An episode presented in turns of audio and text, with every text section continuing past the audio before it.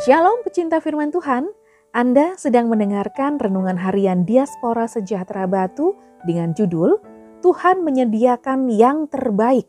Bacaannya dari kejadian 1 ayat 29 sampai 31. Berfirmanlah Allah, Lihatlah aku memberikan kepadamu segala tumbuh-tumbuhan yang berbiji di seluruh bumi, dan segala pohon-pohonan yang buahnya berbiji.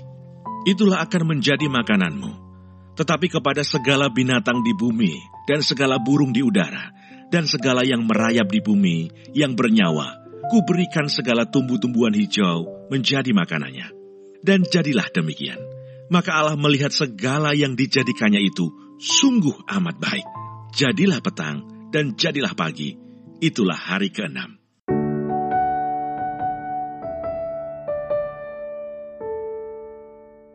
Maka Allah melihat segala yang dijadikannya itu sungguh amat baik. Jadilah petang dan jadilah pagi. Itulah hari keenam. Kejadian 1 ayat 31. Salah satu yang menjadi kebutuhan manusia supaya tetap bisa bertahan hidup adalah makanan.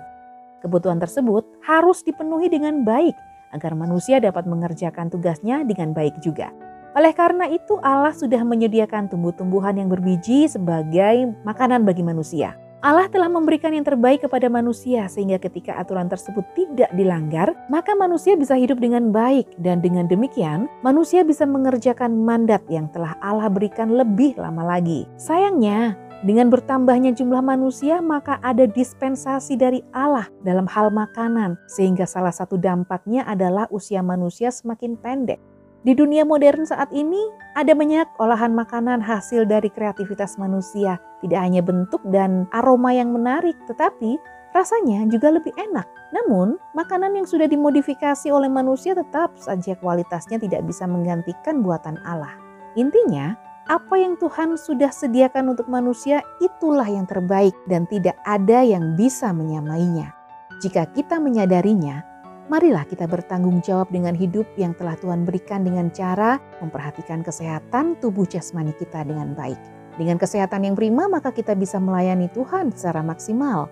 Sedangkan jika tubuh jasmani kita terganggu kesehatannya, maka konsentrasi ketika melayani Tuhan pun akan terganggu, sehingga konsep memberi yang terbaik untuk Tuhan tidak bisa diwujudkan dengan maksimal.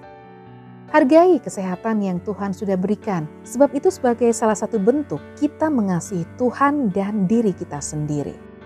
Tetapi seperti ada tertulis, apa yang tidak pernah dilihat oleh mata dan tidak pernah didengar oleh telinga dan yang tidak pernah timbul di dalam hati manusia, semua yang disediakan Allah untuk mereka yang mengasihi dia. 1 Korintus 2 ayat 9. Tuhan Yesus memberkati.